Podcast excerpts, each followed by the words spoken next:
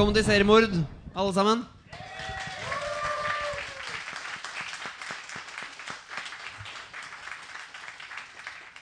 Um, vi er her igjen. Dette er femte seriemordet uh, vi arrangerer. Og uh, jeg er veldig stolt og veldig glad for å få lov til å uh, presentere dere for guru og forlegger på Kapper'n Dam, Anders Heger.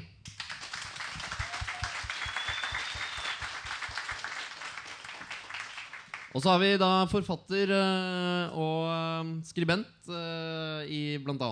Dagens Næringsliv og mange andre steder. Du rynker med Nei, nesa. ikke så mange andre steder. Okay. Ok. Øyvind Holen, mine damer og herrer.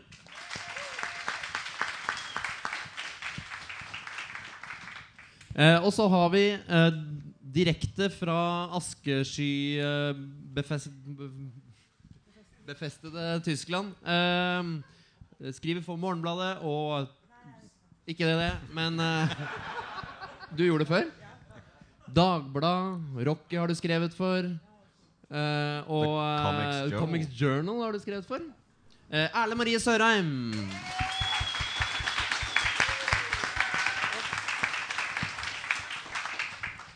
Um, så er dere sikkert spente på hva vi skal snakke om i dag. Um, det er jo sånn at um, uh, tegneserier det er jo tull og tøys.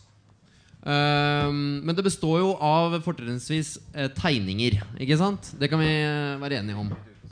Det begynner ofte med et blankt eh, ark.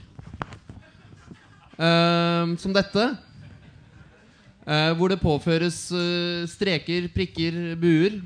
For å skape et slags oppfatning av virkeligheten. Jeg hadde lyst til bare å begynne dette showet med å reflektere litt rundt dette med tegning. For det er ikke så ofte vi gjør, kanskje vi som tegner, hva tegning er for noe. Um, det er jo eh, en ganske gammel måte å oppfatte verden på. Uh, og det skal ikke så jævlig mye til uh, heller for å begynne å uh, definere da denne verden rundt oss. Kanskje panelet Ser dere min maskin her sånn nå? Anders, hva er det vi ser her, syns du? Det er, For en mann i min alder og posisjon så er det stygt å innrømme at jeg ser et rumpehull.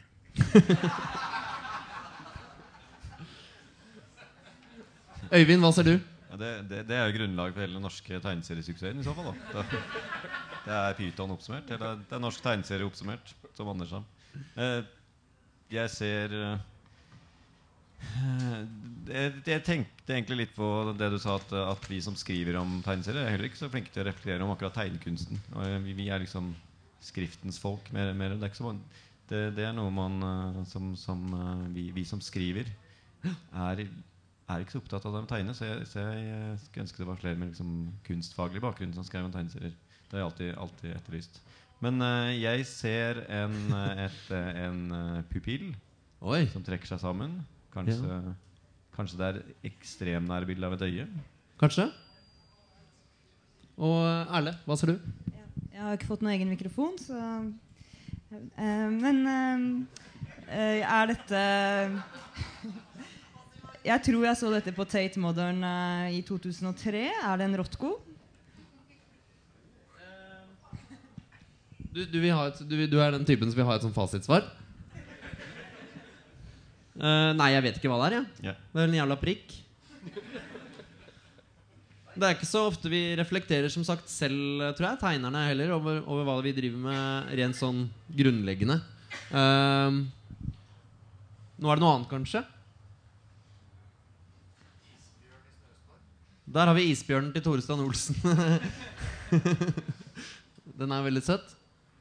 Ehm, I hvert fall så skjønner dere kanskje at vi skal djupt ned i, uh, i de store eksistensielle spørsmål her i dag. Um, jeg har bare lyst til å starte med en liten, uh, et lite minne uh, om tegneserier. Jeg vokste opp i et kristent, godt kristent hjem med en far som var prest. Og jeg husker ikke helt hvor, men sikkert på et bedehus eller noe sånt, så kom jeg over en liten tegneseriepamflett. Eh, som jeg burde selvfølgelig funnet, men det var ikke så lett nå. Eh, det var eh, et, eh, en tegning av et lite barn og så sto det 'For ung til å tenke på Gud'. Og så var det bilde av et lykkelig kjærestepar, tenåringspar, og så sto det 'For lykkelige til å tenke på Gud'. Skjønner du hvor du bærer den, Erle? Og så var det bilde av en stressa arbeidskar eh, med koffert. Eh, 'For travel til å tenke på Gud'. Og så var det en gamling, da, og så sto det 'For sliten til å tenke på Gud', eller noe sånt, hvis jeg husker riktig. Og hva var det siste bildet? Jo, det var selvfølgelig en grav. Eh, gravstein. For død. For seint. For seint ja, til å tenke på Gud. Er bra Så, så nå er vi vel i den fasen hvor vi er litt sånn for travle til å tenke på Gud eh, her i panelet. Men, eh, men vi Skulle, skulle, For lykkelig er du. skulle du ikke snakke om prikker? Ta, ta vekk, Dette er Gud. Ta vekk eh, to av prikkene. Nei, sånn. For nå er vi jo på kloden. Det er nå jordkloden, Dette er jordkloden. faktisk. Helt uh, godt uh, resonnert. Så, så vi skal snakke om Du er dyp, ass. ja, vi skal se om vi kan få svar på mange av disse store spørsmålene uh, i dag. I, og selvfølgelig da uh, om vi kan finne svar på de i tegneserier. Uh, sånne ting som eh, hva er meningen med livet, selvfølgelig. Hvordan skal vi definere vår eksistens og uh, ja, Hva skjer etter vi dør? Fins det en gud? Er vi alene i universet? Uh, jeg klarte ikke å lese opp meg opp til X-Fill engang, så jeg håper dere kan svare på alt dette. Uh, akkurat det med om vi er alene i universet, det kan vi se litt på nå. Hva er dette her for noe, Erle? En fyr med en bong. Ja. Eh, på en klode. En bong. Eh, eller sånn hasjpipe, som er sånn amerikansk på sånne amerikanske filmer. Eh, med en liten unge. Eh, Gud og Jesus. Hvis, jeg syns du stilte ledende spørsmål. Kan dere andre eh, forkl eh, komme med en forklaring? Hva er dette her for noe? Ja, dette har jo vært Det var litt pussig at du skulle nevne X-Fill, fordi jeg, i likhet med ganske mange andre, vil jeg tro, i min aldersgruppe, ble kjent med den serien der via Universitas på 80-tallet. Og den het På kloden. Det er på kloden, ja. Riktig. Av Ola A. Hegdal. Dette er Småen og Mesteren, heter, heter jo figurene. Eh, Eh, enkelt konsept for en tegneserie. Det er, jeg har vel kalt det en oppvisning eller en, en, en utholdenhetsprøve i serieminimalisme. Eh, ikke, ikke for leseren, men for tegneren. For det, for det konseptet er Småen og Mesteren på kloden. Det er disse to menneskene, som, de er det eneste som eksisterer. Altså, de er ikke alene i universet, men det er bare dem to. Og, og kloden er jo mindre enn dem. da Så, så, så det er liksom da å hele tiden lage en stripe med et så begrensa univers jeg vet ikke, eh, Det må vel være Fins det noen stripeserier som liksom er like stramt? To karakterer. Ingen Ørnbjørn og Jørn kommer det forslag på her. Ja. Ørnbjørn og Jørn er vel eh, på kloden to. Vi, videreført, men ikke for universitetspublikummet, kanskje. Ikke fullt så dyptpløyende, vil jeg si, Ørnbjørn og Jørn er. Det er på et noe Eller kanskje det er dypere. Bare at vi ikke vi skjønner det. Jeg vil jo tro at hvis du, hvis du, hvis du tar Ørnbjørn og Jørn uten Jørn, så vil de Ah. store eksistensialistiske tankene åpenbare seg i større grad. Dette får vi ta med Tore etterpå i, i baren. Eh, får vi en mikrofon til her, eh, noen? Eh, hadde vært kjempegreit. Erle? Oh, wow, kult. Ehm, ja, nå har jeg brent inne med veldig mye. Men uh, det var jo forferdelig at jeg ikke kjente igjen på kloden. Da. Men jeg var jo ikke student på 90-tallet som. 80-tallet. nei. Ja, ja, ja. Ola Hegdal eh, juksa jo litt iblant. Da, for det, altså når Småen ramler av kloden, så, så ser han jo livet sitt passere som revy. Med Arve Oppsal og Leif Juster i rollene. Og, men han har vel oppsummert uh, Oppsummert uh, ha, Småen har jo da oppsummert uh, meningen med livet. Vel, den der Livet er tomt og me meningsløst, mester. Og dessuten altfor kort. Det er sitat Småen. Så det er en del livsvisdom og, og, og litt sånn spørsmål som blir stilt uh, i den tegneserien her. Jeg, jeg også hadde noen eh, gode opplevelser med den, men litt seinere. Den gikk vel også Den kom som eget hefte på No Comprendo. Og Tre-fire nummer. Burde, burde samles i én bok snart, kanskje. Den er vel, de er vel vanskelig å få tak i i dag. Og så gikk den vel også i Fidus. Så, men, jeg, og det var en serie som uh, var litt sånn Jeg synes den var Det hadde jeg aldri sett noe lignende før, som dere sier. Og jeg syns jo Ola Hegdal burde komme seg i gang igjen ja, da, og lage flere serier. Ja, dette var jo på en tid hvor det ikke var noe særlig norske stripserier altså stripserier å snakke om, bortsett fra de gamle traverne som Dagros og, og Jens. Ja, det er et godt poeng. Så, så det var jo liksom da en, en av liksom den Fidus Fidus for resten generasjonen da, som faktisk satsa på striper og, og fikk det til. Jeg tror vel at den alternerte med Mikael Holmberg, en stripeserie av Mikael Holmberg. At Eh, han tok over? Uh, Nei, den gikk uh, sånn kanskje omvendt. Mm. Oh, ja, sånn. ja. Det var flere flere med, med, med, I Universitas på samme tid. Mm, Universitas var vel det eneste liksom, sånn, Ja. som satsa på noen nye norske stripserier. Det var ja. flere. er Ikke, har ikke Bendik Haltenborn vært i Universitas? da? Eller I hvert fall har Kristoffer Kjølberg det. Ja. Men ja, det er nok riktig det at det er mange som har begynt der. Det er, eh, Når du sier at du ikke har sett noe som ligner, ja, ta den videre. Fordi det er jo et veldig påfallende litterært forbilde her, nemlig Den lille prinsen, som altså bor alene på en klode som faktisk ligner litt på kloden På kloden. Uh, eller på en, han bor på en asteroide.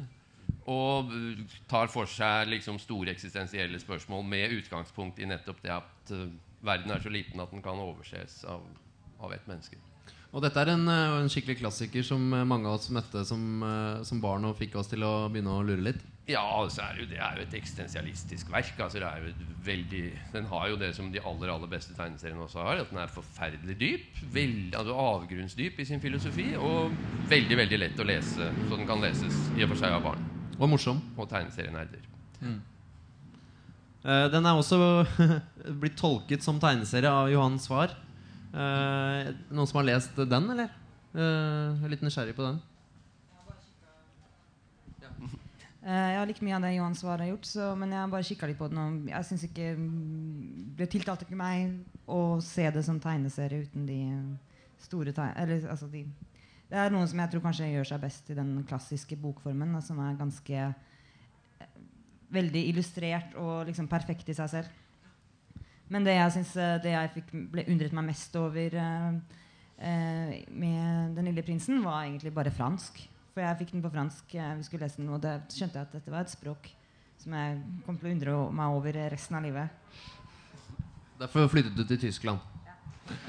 Eh, nei, jeg også tenker vel litt at, at det er et univers jeg ikke vil at noen skal kødde med. da Eh, Men det er jo, selv om han er hvis det er en som skal gjøre det, så er det kanskje Svar som er, som er riktig mann. Det er vel ingen som har spekulert i hva som skjer med prinsen når han blir større? Ja, for det er vel en slags videretolkning, det, dette det er- her, så vidt jeg har forstått. ja Den store At, prinsen. Nå skjer det ting på mikrofonfronten her òg. Det er eh, gjort eh, forskjellig eh, Hvis vi holder oss litt i Norge, så eh, er det jo gjort, forskjellige eh, tilnærminger til eh, filosofi og sånne ting i, i tegneserier. Og en, en som eh, Eller to som eh, tok dette bokstavelig, holdt jeg på å si, er, eh, var jo igjen Ola Hegdal da, som skrev, og, og Tore Strand Olsen som tegna. Og de fikk, det var vel et bestillingsverk hvor de skulle uh, fortelle om livet til, um, til Arne Næss. Eh, og det er vel ikke en bok så mye om Det var en bursdagspresang til Arne Næss. Uh, Jeg husker ikke hvilken, hvor gammel han ble, men det var vel, Tanken var bak var vel Arne Næss' kone Kit Fay, som mente en tegneserie var en mye mer passende eh, gave til Arne Næss enn en liksom, tradisjonell festskrift eller tykk biografi. At det liksom da representerte eh, eh, lekenheten. Og det intervjuet jo faktisk Arne Næss sammen med Ola Hegdal og, og, eh, og Tore Strand Olsen når den ble lansert. Da. Så da sa han at eh, jeg har nok hatt en ovenfra nedholdning til tegneserier tidligere. sa han men samtidig beundrer jeg alt jeg ikke klarer å gjøre selv. Og tegne kan jeg ikke. sier Ness. Han fortalte også at han eh, han uh, identifiserte seg med Donald fordi han skeptisk til autoriteter. Men den som lå nærmest Arne Næss av tegneseriefigurer, mente han var Tott. E Ikke knoll. ikke Knoll. Jeg vet ikke om det hadde noe med hårfargen å gjøre. At Tott var blond og Knoll var litt mørkere. Men at Tott ligger nærmest meg selv, sa Arne Næss. Han var som meg.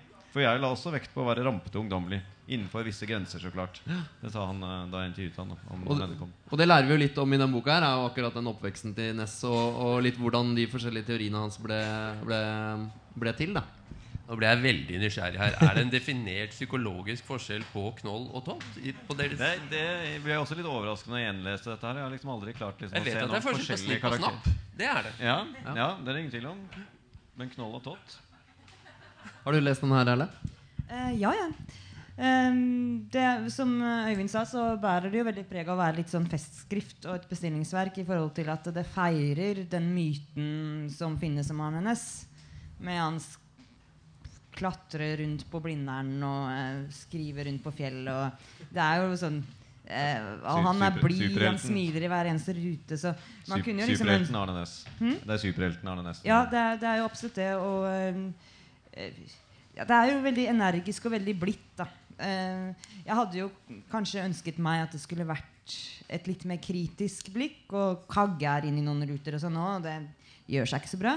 Men eh, det er jo eh, samtidig et veldig unikt verk i norsk tegneseriehistorie som er veldig underholdende. og men hvis de hadde gjort det helt på egen hånd, så hadde det sikkert blitt litt annet uttrykk. da, tenker jeg. Kun, kanskje kunne vært spennende, Sånn som litt som Logicomics med Bertrand Russell, som er lagd nå.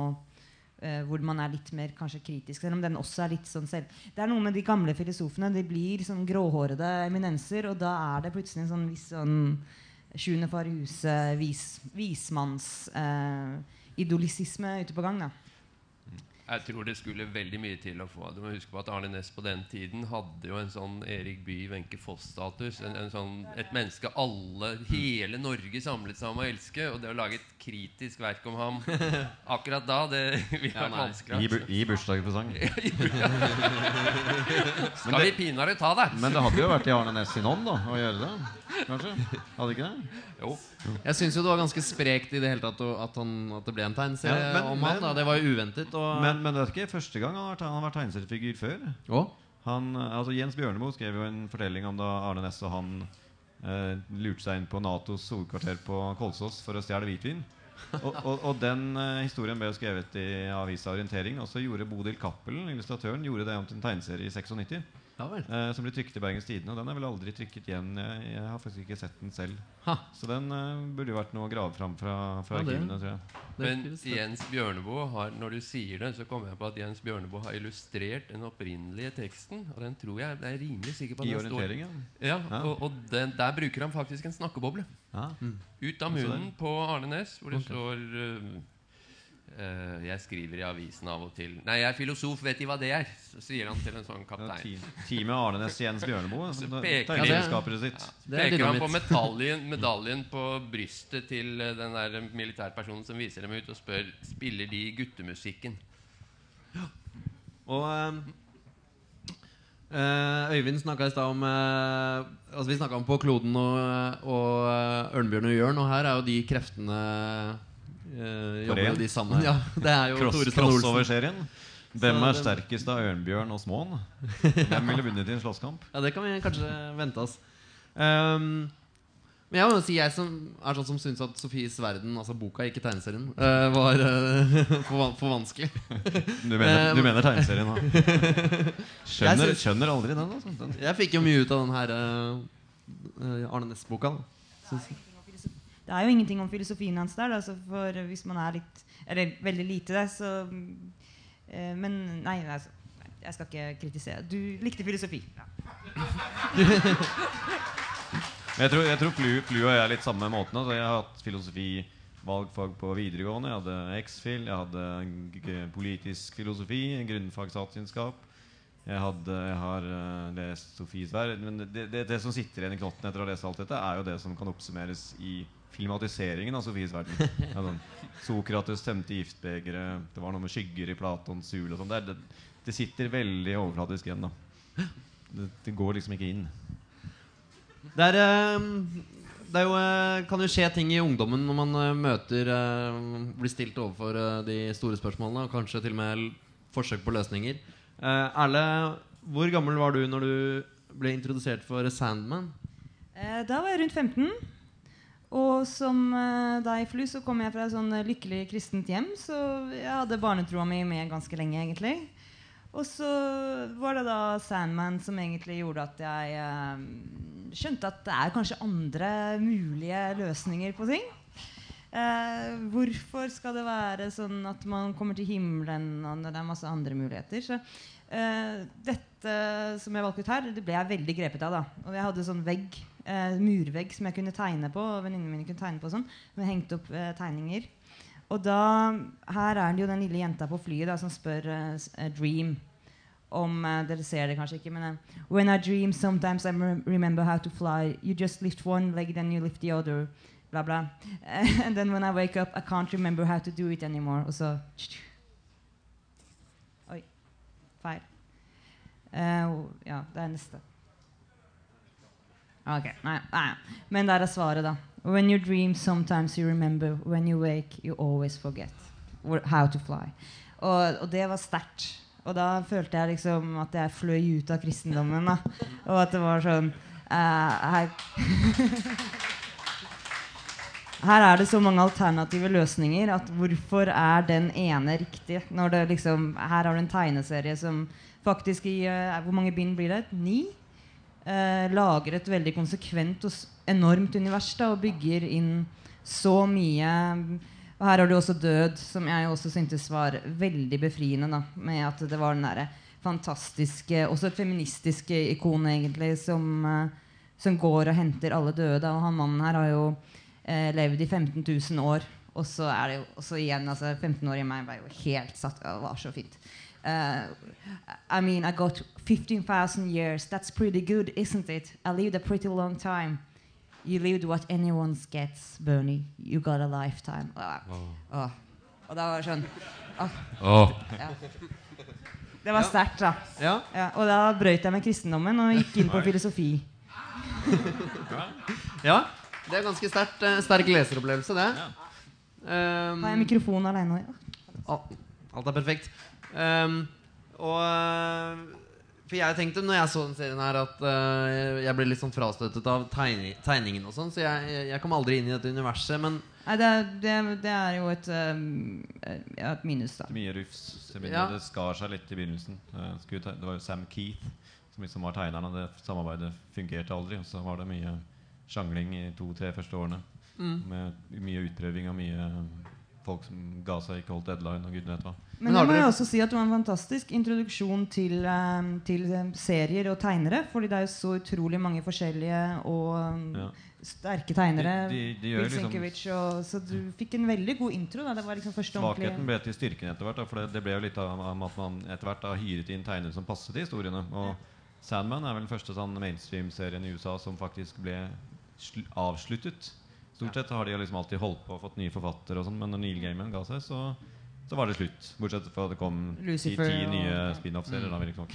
Men har dere plukket opp dette her eh, og lest det om igjen i, i voksen alder? Og er det, er det mye klokt og mye finurlig eh, fortsatt, syns du? jeg, jeg vet ikke. Jeg oppdaget det også da jeg var 15 år gammel. faktisk det, Jeg var også 15 da jeg leste Sandman. Jeg tror det er en serie som er en fordel å være 15 når man møter. Men den, den er veldig perfekt og for deg som er 15. Eh, jeg fant noe livsfilosofi fra død. da det, det, det er? De er rockestjerner. Ja. Sandman er jo Robert Smith. Ja. Eh, død er eh, verdens kuleste gothejente, og, og Delirium er vel Tori Amos. Så, så det, liksom, og det treffer liksom både gutter og, og jenter. da Men, men det, er jo, det er jo ganske enkelt, men banalt. Jeg vet ikke om man kanskje ikke får de enkle, banale spørsmålene på noe annet vis. da død, er, Hvorfor har vi det vondt? Hvorfor dør vi? Hvorfor er ikke livet godt hele tiden? Ja. Det er Spørsmålene er ikke dumme, sier Død. Men de kunne like gjerne vært 'Når det er purpur?' eller 'Hvorfor gjør torsdag?' Hvis du aldri har hatt det vondt, hvordan kan du da vite at du har det godt? Så det er, ikke, det er, jo, det er, jo, det er jo litt Ole Brumm i det hele også, da. rett og slett. Altså, jeg møtte dem jo dette i voksen alder fordi jeg rett og slett ikke er ung nok til å Nei, til, å, til å være 15 første gang jeg ser det. Og, og jeg husker at eh, Jeg opplevde det som banalt. Hva? Eh, hva? Hva, sa jeg. Banal? Må jeg stave det? Banan. Ja. Anal? Nei. Men er det litt der altså, For det er jo en tegneserie som veldig ofte nevnes, som mange har på favorittlista si. Eh, men er det litt der den står nå, at, at den har falt ned fra, fra den eh, pidestallen sin? Og, Jeg tror den er litt som den, den gjorde for tegneserien det Matrix gjorde for filmen. Altså Ja. det er eh, Den gjorde det helt tydelig at det er ingen grenser for hva dette mediet kan, kan behandle. Uh, og den liksom kombinerte på samme måte som Matrix det filosofiske med, med science fiction, med, med, med verdenslitteraturen. Altså, du trekker alt sammen inn og rører, og det blir en, det blir en hendelse. Ja. Men jeg syns ikke det er toppunktet i sin egen sjanger, ei heller i hans forfatterskap. Den, den er egentlig litt overgangen fra liksom, 80-tallet til, til 90-tallet. For det, den ble jo starta som en del av DCs superheltunivers. Ja. Det, var, ja, det var en sånn kobling av horror og superhelter. Som Ja, var, som var de første to numrene er jo også temmelig eh, Ja, mye så, mer så, så, så den er ikke noe sånn helhetlig verk. verk. Det var en sånn vokse seg til, da, men hele liksom Vertigo-linja starter jo da Jeg kan starte jo med Swamp Thing, i og for seg, da, Mm. men, men, men Vertigo blir Vertigo da, med, med den. Og da Mm. Men kanskje vel så ikke sant? Det viktigste med Sandman er jo at det er en hyllest til liksom, fortellingen. Det er Ja. det, det den blir etter hvert. Og den er original, og den, er, Ja. eh, den viste at ting var mulig. Men eh, det er jo sånn det er ingen som sier at favorittfilmen sin er Matrix nå. For Nei, eksempel, men for den viser, den, den. den, den viser liksom at en annen verden var mulig. Da, for, altså, for den, den viser liksom at det går an å gi ut hefteserier den gang, altså, i superheltverden som ikke handler om superhelter. Som handler om andre, altså, det, var, det var jo skrekk, science fiction, fantasy. Det er jo det er liksom i det dark fantasy-landskapet der. Da, men, men, men så fikk man jo liksom da den, åp, den, den knuste liksom superheltenes eh, klør på, på hefteserien i USA. Da. Så etter hvert fikk du liksom krimserier. altså, og Ikke minst at man da kunne liksom slutt, sette punktum. Det var helt uhørt i tegneserier. Ja. Ja. Men er, altså, som bokmann så må jeg jo si at den, den gjør jo, noe, den gjør jo en, en, merke, den er jo en merkestein på en annen måte også. At den trekker sjangeren noe kraftige hakk i retning den klassiske romanen. Ja. Den, den, den typiske boka. Eh, og det er jo også en perfekt eh, altså, introduksjon for de som ikke er så veldig inne i superhelter og sånne ting, og som liksom har tenkt å ha litt avstand på det. Eh, så var det en fantastisk introduksjon til tegneseriemediet, og du skjønte at eh, her er det jo faktisk andre muligheter. Og plutselig måtte man drive og, og. Nei, det var før jeg googla. Ja. Jeg måtte drive og lese bøker og sånn og finne ut av liksom der, symbolismen. Jeg hadde en venninne vi, eh, vi møttes etter at vi hadde lest The Wake, og så gikk vi sånn Det var veldig sånn avstemning. Og så eh, analyserte vi den i mange timer på jenterommet hennes. Eh, om liksom den derre eh, gravferden og med det skipet på slutten. Og det var sånn eh, og Det var veldig religiøst for oss, da. Så Begrepet nerd ligger veldig nært. Men, eh, men, men det som liksom var Det, det jeg lurer på, det som liksom var veldig nytt og spennende, er, er, ikke det er det nesten ikke litt motsatt i dag? At hvis man kommer inn i Sandman i dag, så vil man liksom nesten bli bremset litt fordi den er koblet for tett opp til liksom det gamle superheltuniverset. Og det, er, det er veldig liksom mye ting som er innforstått.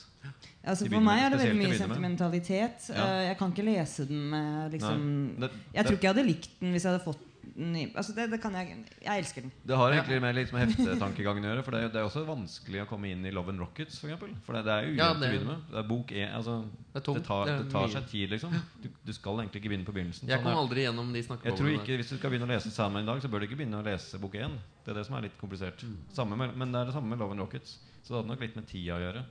Men vi snakket om vi Star Wars har jo det samme, da. Ja, det gjelder sikkert en del sånne egne universer som man Skal, må skal man begynne med The Phantom Menace? Nei. Nei. Er vi nå der igjen?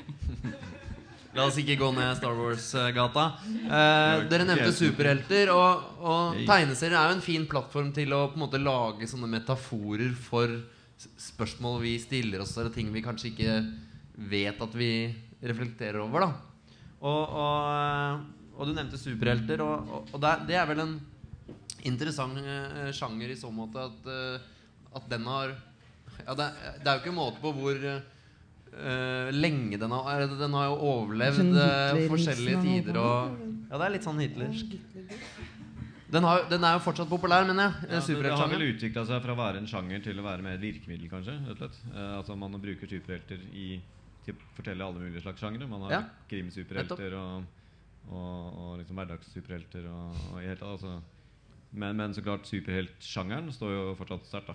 Ja, Det- gått litt over i film uh, mer Ja. enn tegneserier. Ja. Uh, Anders, du sa du syns uh, superhelter har gått over i en mer filosofisk dreining. Hva mente Nei, du da? men det, det, Eller absolutt. Jo, Ja. men jeg mener at det har ligget der hele tiden. Ja, ja. Det nye er jo at vi Altså Det aller tydeligste eksempelet er Watchmen. Men, men du har egentlig har ligget hele tiden et kraftig sånn filosofisk potensial i det helt enkle spørsmålet. Altså, jeg er en annen enn den jeg later som. Ja, for hva er egentlig en superhelt uh, i tegneserieverdenen? Altså, det, etter, det er jo helt absurd, fordi du begynner på topp. ikke sant? Den første superhelten har alle superegenskaper du kan tenke deg. Hva skal du da egentlig med en som bare kan uh, være veldig rask?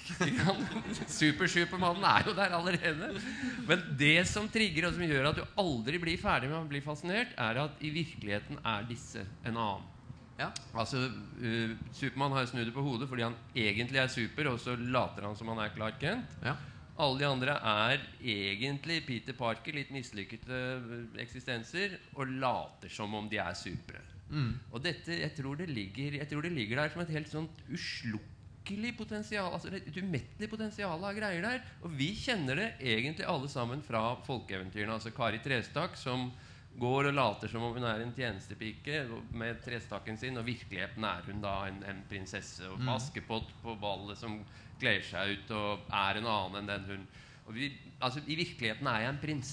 Dere bare vet ikke. Men tror, du det, tror dere det, det er så grunnleggende eller så banalt som at uh, man som ungdom uh, drømmer om å være en annen? Eller er det fordi vi har forskjellige roller i, i samfunnet hele tida? Og sånne ting? Jeg tror det er fordi man kjeder seg. Alle ønsker å være en annen. Sånn, eh, på generelt grunnlag trekker jeg den konklusjonen. Men Men så prøver man å, å finne ut hvem man er. Og sånn. ja, altså det er jo det som er det fantastiske med sånne serier. At man, man, kan, man, man kan tenke videre på det. Man kan forestille seg det uh, uten at man kan bli det.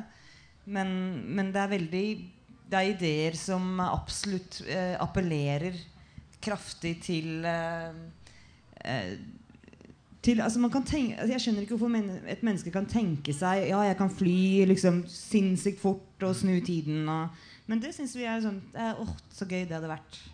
Selv om jeg ikke tror vi skjønner konsekvensen av eh, hvis vi hadde kunnet gjøre det, så hadde det sikkert vært ganske kjipt. Jeg tror det stikker dypere enn bare at vi kjeder oss. Altså. Jeg tror det er den følelsen du har Selvfølgelig i kraftigst i puberteten, men du har den jo, bærer den jo med deg hele livet. At de skulle bare vite hvem jeg egentlig er. Altså. Det, eh, på godt og vondt. Eh, eh, alle har vi jo tenkt faen, jeg bløffer dem hele tiden. Når skal jeg bli avslørt? Bare på godt, ville jeg tenkt. Ja, det er deg, det. Det, det handler jo liksom om å ut, utløse potensialet i seg selv, nærmest. da altså, Superhelter er jo amerikansk Det er jo amerikansk mytologi. Den amerikanske Mm. gude, nærmest. Det er det de har istedenfor ja, eventyr. det er jo ikke tilfeldig at de liksom har bakt inn liksom norrøne og greske eh, guder eh, i, i universet sitt heller. De er, jo, altså, de er jo samme typer superhelter, nærmest. Eh, Da må du nevne man har jo ikke ha, uh, The Mighty Thor. Ja, Ja, ikke sant? Og, men også de greske gudene og de egyptiske gudene. Og, stort sett alle guder. Men superheltene oppstod jo ikke helt noe vakuum heller. Da. De var jo barna sin tid, liksom. Var, de var jo påvirket av liksom Übermensch-filosofien på den ene siden. Det var, det var eh, bodybuilder-kult liksom, på 20-30-tallet. Det var Charles Atlas. Var, altså, det- en- hele var- eh, hvis jeg kan. Si noe til det, så var det veldig interessant. Jeg var på jødisk museet eh, i Berlin. De har veldig mye bra utstillinger. Da hadde de en eh, jøder i tegneseriehistorien i USA eh, på 1900-tallet. Og det var jo faktisk jødene. Da. Altså Du sier Ubermensch, men det var faktisk eh, utrolig mange jødiske tegnere som var med All, og lagde alle de første amerikanske superheltene er skapt av jødiske serieselskaper. Nesten Altså immigranter til antall. eh, Amerika. Barna- ja, tyske barna, jøder, Ja. emigranter. Så de har kanskje tatt med seg Nietzsche og den der outsider-følelsen og eh, eksil. Nei, men det er jo en, altså Til identitetsspørsmål er det jo en annen sak der. At Ja. i mellomkrigstiden så Det er jo et identitetsting knyttet til det jødiske, fordi du fungerer helt innenfor din jødiske uh, uh, community, altså fellesskapet i byen, samtidig som det fungerer perfekt ute i, i det store samfunnet. Så det står altså en dobbeltidentitet der. Ja, og så har de liksom klart å da ikke ta med noe jødisk inn. Altså Mm, amerikanske idealet var liksom sånn at man skulle legge være sine røtter hjemme. hjemme og være amerikaner ute. Så det blir jo liksom Clark Kent Da blir man og Supermann. eh, Da får man to identiteter. Mm. Um, Det ser jo ikke så supert ut, da. ja, og man kan overføre det som veldig ja, direkte Ja, dette er jo et helt sånn enkelt eh, amerikansk fotokunstprosjekt. Hvor man ser på eh, dagens immigranter som hverdagens superhelter. Det er Mm. En fotograf som heter Pin, Louise, Louise Pinson, er det vel i farta? Jeg husker ikke helt. eh, men hun har liksom da kledd opp eh, liksom de som er nederst på lønnsstigen i, i, eh, i eh, serviceyrkene i, i New York og sånt i, i, som superhelter. da Og det treffer jo liksom da spikeren helt på hodet i forhold til hvordan liksom teoriene var på, på, på 30-tallet. At, at liksom da At, at superheltene er liksom immigrantopplevelsen. Ja, det, Eh, og det er jo veldig vakre bilder. De sier jo også mye om, om bare det å være en hverdagshelt også, da. Mm. Syns jeg. Mm. Altså, Supermann jeg, jeg har litt jukselapp her Han sendes jo fra en døende planet, Krypton, Europa, til en merkelig, vital ny verden, USA.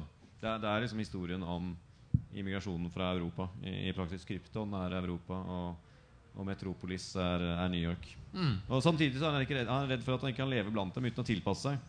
Han må tilpasse seg. Han må bli en amerikaner. Ja. Han kan ikke vise liksom, sin sanne jeg i, i, ute blant folk.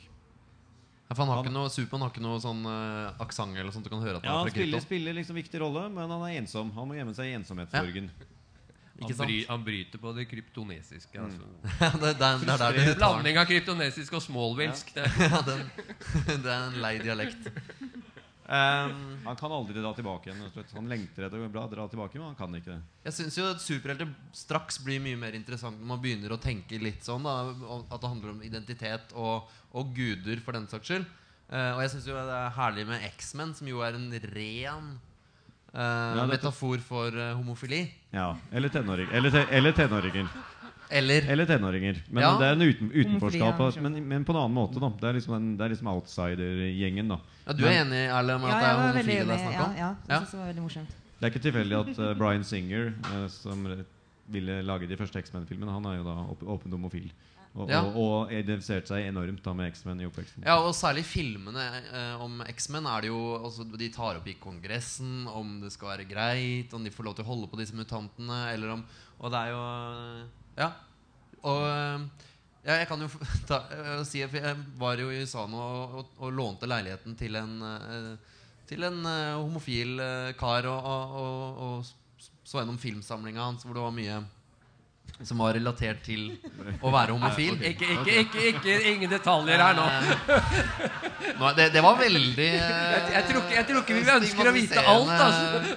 Du, du, du tror automatisk at det er naken. Nei, nei. nei. Nei, men der var det mye øh, øh, Det var mye sånne musikaler og, og, og Charmed på DVD. Men så var det X-Men som skilte seg ut. Og da, da tok jeg tenkte litt på det. Men, øh, så det syns jeg er en morsom øh, X-Men the Musical, vet du, der har du en bankers. Der har vi noe som kan selge. Veldig bra.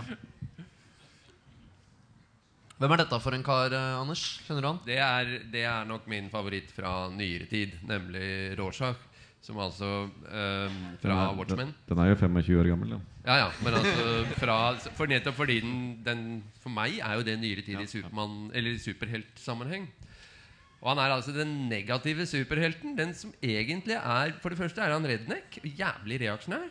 Og for det annet er han altså en nedbrytende, samfunnsfiendtlig kraft som allikevel eh, allikevel redder dette samfunnet. Og han, er jo, han, han har jo idealet altså Du ser på oppkledningen, så han er kledd som eh, eh, Hammett eh, s- eh, Dashiell Hammets eh, privatdetektiv. Altså den, den eneste hederlige i en verden av, av skitne mennesker. Og så må du nevne maska. ja, Som altså er Rorschach-bildet. da, ikke sant? Det er, en Rorschach-test er jo dette sånne blekkflekker som du Du vil da liksom Du tolker inn det du vil. Ja, du tolker inn det det er et fantastisk konsept på et ansikt. Ja, det er jo helt utrolig spesielt. Eh, og han uh, hadde en ganske Han, han er liksom Det er en lang på filmen så endrer vel dette seg? gjør det Ja, ikke Ja, det? er Ja, levende. Den, den, ja, den, den endrer seg. var- Det burde det jo Ja, det høres jo veldig lurt ut. Eh, og så hadde han en jævlig oppvekst med en horemamma og det var ikke måte på. Ja, Han hater rett og slett verden, ikke Ja, ja. sant? Og har sett, sett forferdeligheter og er da, men skjønner at det er bare Altså Dette er jo det er et berømt sitat fra, fra mm, Dashiell Ham... eh, eh, Chris, eh, Malov, Philip Malov. Om Philip Malov. Altså, verden skal være en altså, En god kriminalforfatter skal skildre en verden i forfall. Uh, der, der, er liksom der du ser, der leseren ser hvorledes ting faller fra hverandre. Samfunnet er i oppløsning. Og så heter det But down this road a man must go. A man who has, has a splendor of honor. Altså et, et renslig menneske i en skitten verden. Ja. Og det er på en måte han som er fremstilt her. Det er litt sånn taxi driver. Mm. Ja, ja. Eh, for, men og, eh, i for, i forhold til det vi snakket om Eller Blade Runner, egentlig. Ja, da må det, du ha noe totale forfall. Altså et, et ordentlig menneske midt Ja. i det hele. Men- og, og det, men Forfall og det forfall. De har jo biler som kjører i lufta og sånn. Ja. Det er framskritt. Eh, og, men i forhold til identitet og, og er det, er det Stiller vi oss noen spørsmål i forbindelse med dette her? Er det, er det Sier noe om vår søken etter hvem vi er i verden? Og sånn? altså, det er jo eh, I hvert fall hvis man oppfatter verden som eh, ond, da. Så er det vel eh, en rolle å innta dette her. Nei, du kan ikke være som Rorschach. Altså, han er jo et rasshøl, ikke sant? Ja. Men han redder verden helt til slutt. I, i siste side redder han jo faktisk verden. Men Rorschach har ganske interessante røtter. Det er, altså, det er jo ikke en strek som er tilfeldig i Alan Moores serier. Og, og Rorschach sine røtter må vi liksom tilbake til 60-tallet for å finne. Eh, den mørkeblå hauken i Marvel-universet som, som liksom i, i, i Samtidig som, som liksom Marvel-serien blir omfattet ah, Som hippiene omfavner Dr. Strange og Silver Surfer, så sitter jo en tegner og um, forfatter og ergrer seg noe grusomt. Mannen som tegnet Dr. Strange og, Steve, og Spiderman. Steve Ditko. Ja. Han er jo en høyrevridd uh, han, han elsker Ayn Rand, Fremskrittspartiets uh, uh, filosof. Som Kristoffer Nilsen også har gjort en morsom Ja, greie på. og, og, og i, i, på slutten av sin serie Spiderman-serie så blir jo da Spiderman Ayn Rand-disippel. Han går rundt og fnyser av studentene som demonstrerer på campus og ber dem ta seg sammen. Og, og, liksom, og som, som da Peter Bagg gjør, Ja. gjør jo en vri på seinere. Men, men han, etter at uh, Ditko blir tuppa ut av Marvel, så lager han sine egne superhelter. Som er liksom da eh, ti ganger eh, Frank Miller i, i eh, Robocop. Liksom. Det, det er The Question og et par andre. Og disse superheltene som, eh, som, som de er jo sånne som myrder og dreper kriminelle. Det er liksom ingen nåde. Det, det er uh, Ayn Rand-filosofi satt ut i, i praksis. Og disse er jo de Alan Moore baserer uh, Watchman-figuren sin på. De er Det Steve Ditko sine figurer. Det jeg også syns er morsomt med Rorschach, er jo at han har da et kostyme Altså han har en identitetsløs superheltkostyme. Ja. Som jo er en ganske eh, original vri, vil jeg si. At eh, Mens alle de andre kler seg ut som, så er han da på en måte den eh, untouchable også, på en, men også den som eh, for alle er noe forskjellig. Da. Mm. Og det er et veldig men- morsomt grep. Men han er en ren kopi av The Question, som går i Ja, ja. trenchcoat, har hatt, og, og et spørsmålstegn i ansiktet. Og, og ser de kriminelle når de brenner. Liksom. Han eh, lar dem drukne og Ja, det skal og, gå og brutalt for seg. Ja. Det må, jo, det må jo nevnes at det er også en fantastisk metafigur, dette med Rorschach-testen. Hva- Poenget med en, en Rorschach-test hvor, hvor psykiateren viser deg, eller psykologen viser deg en blekkflekk og sier 'fortell meg hva du ser', Mm. uh, uh, så er det altså Rorschach du ser det du vil se. Mm. Uh, og, og det er jo Egentlig er det en metakommentar til hele superheltuniverset. Du Eller hele litteraturen som sådan. ja, for det er jo det man gjør. Ja, det er, Du ser det du vil se, og det er leseren som skaper teksten. egentlig Og skaper disse figurene Så det ligger liksom du kan, det, er, det er egentlig en serie du kan snakke og snakke om i, i dagevis. Altså. Det, er, ligger doktorgrader og venter på den som analyserer dette her. Det Ta er sikkert egen- skrevet noen allerede òg. Ja. Kanskje ikke på norsk. Ta en egen uh, podkast om det. Ehm, Øyvind, kan ikke du eh, fortelle litt om møtet ditt med Animal Man? eh, og du har også skrevet en Jo, eh, jeg nevnte jo at jeg har tatt filosofi opp til flere ganger. Så første forsøk var jo filosofi valgfag i, eh, i, på videregående. Da jeg var jo alltid helt siden filosofi, valgfag. De andre tok vi, hadde, eh, vi hadde en lærer som var, han var gymlærer og filosofilærer. så, så det var, var ganske bra. Det var Det superhelt, med frivillig valgfag. Filosofi valgfag. Og, og, eh, og jeg har jo alltid liksom blitt beskyldt for å bare gulpe opp tegneserier fra jeg skrev stiler i tredje klasse. Liksom. Så, så her skrev han da om uh, filosofien i, i Grant Morrisons 'Animal Man'. Kan du fortelle kjapt om konseptet Ja, eh, eh, for oss som ikke har lest Dette er jo samtidig med Sandman. Uh, dette er liksom da, da DC Comics begynner liksom vokse opp og, og slipper løs en gjeng gærne engelske forfattere i, i fotsporene til, eh, til Alan Moore. Da. Det, er, det, er, eh, det er vel eh, Neil Gaiman, Peter Milligan og, og, og, eh, og eh, Grant Morrison. Da. Og, og de slippes jo løs på de mest obskure delene av, av superheltuniverset. Og, og da får liksom da litt sånn De får frie tøyler, liksom. Eh, Men må holde seg innenfor superheltrammen. Og, og det Grant Morrison gjør da i løpet av toårsperioden, toårsperiode Han, han setter liksom spørsmålstegn liksom, med hele skapverket og hele verden. Da. Og, og, Buddy, Buddy her, jeg husker ikke hva han heter i farta. Uh, Animal Man. Han er jo liksom en av de tomste superheltene. Han, han, han er sånn som eh, Han kan ta dyrene i nærheten, sine superkrefter. Så hvis det er noen maur, Ja. maur så kan han liksom bli sterk. Og, Han må være borti Han må tafse bortpå en, ja, ja. en Men, men, esel. men også. Grant Morrison viser Han er jo en mann med, med I motsetning til Al Moore, som jeg egentlig ikke liker superhelter godt, så, så er jo han Han har liksom en sånn fan, indre fanboy. da Så han elsker liksom å lese seg opp på superhelter og kan liksom de mest obskure ting. da Og det utnytter han til fulle her. da Men her blir hele spørsmålet liksom da om hvorfor det går liksom så ille i hans verden. For han mister, Familien blir myrdet, og han, alt går på tverke. Og det ender jo liksom med at han drar, blir sendt til limbo, der hvor de superheltene som er ute av mote, havner. De som ikke har egne blader og sånt. Og ender til slutt at han ender opp i Glasgow og møter sin skaper, som er Grant Morrison. Oh ja, så det som vi ser det, er, på det, omslaget her, er, han banker, faktisk det er klimakset i serien, hvor han banker på døra til sin skaper, da, som er tegnet i svart-hvitt, litt sånn realistisk. Aha. Det er ganske fiffig. Er- Var det forrige bilde? Gå tilbake. Og, og, og, men denne, dette nummeret her er, Dette nummeret, Hvis du går tilbake igjen til han Der, er det vel en, der havner han inn i universet til eh, Roadrunner og Wiley Coyote, som er liksom den samme greia. da.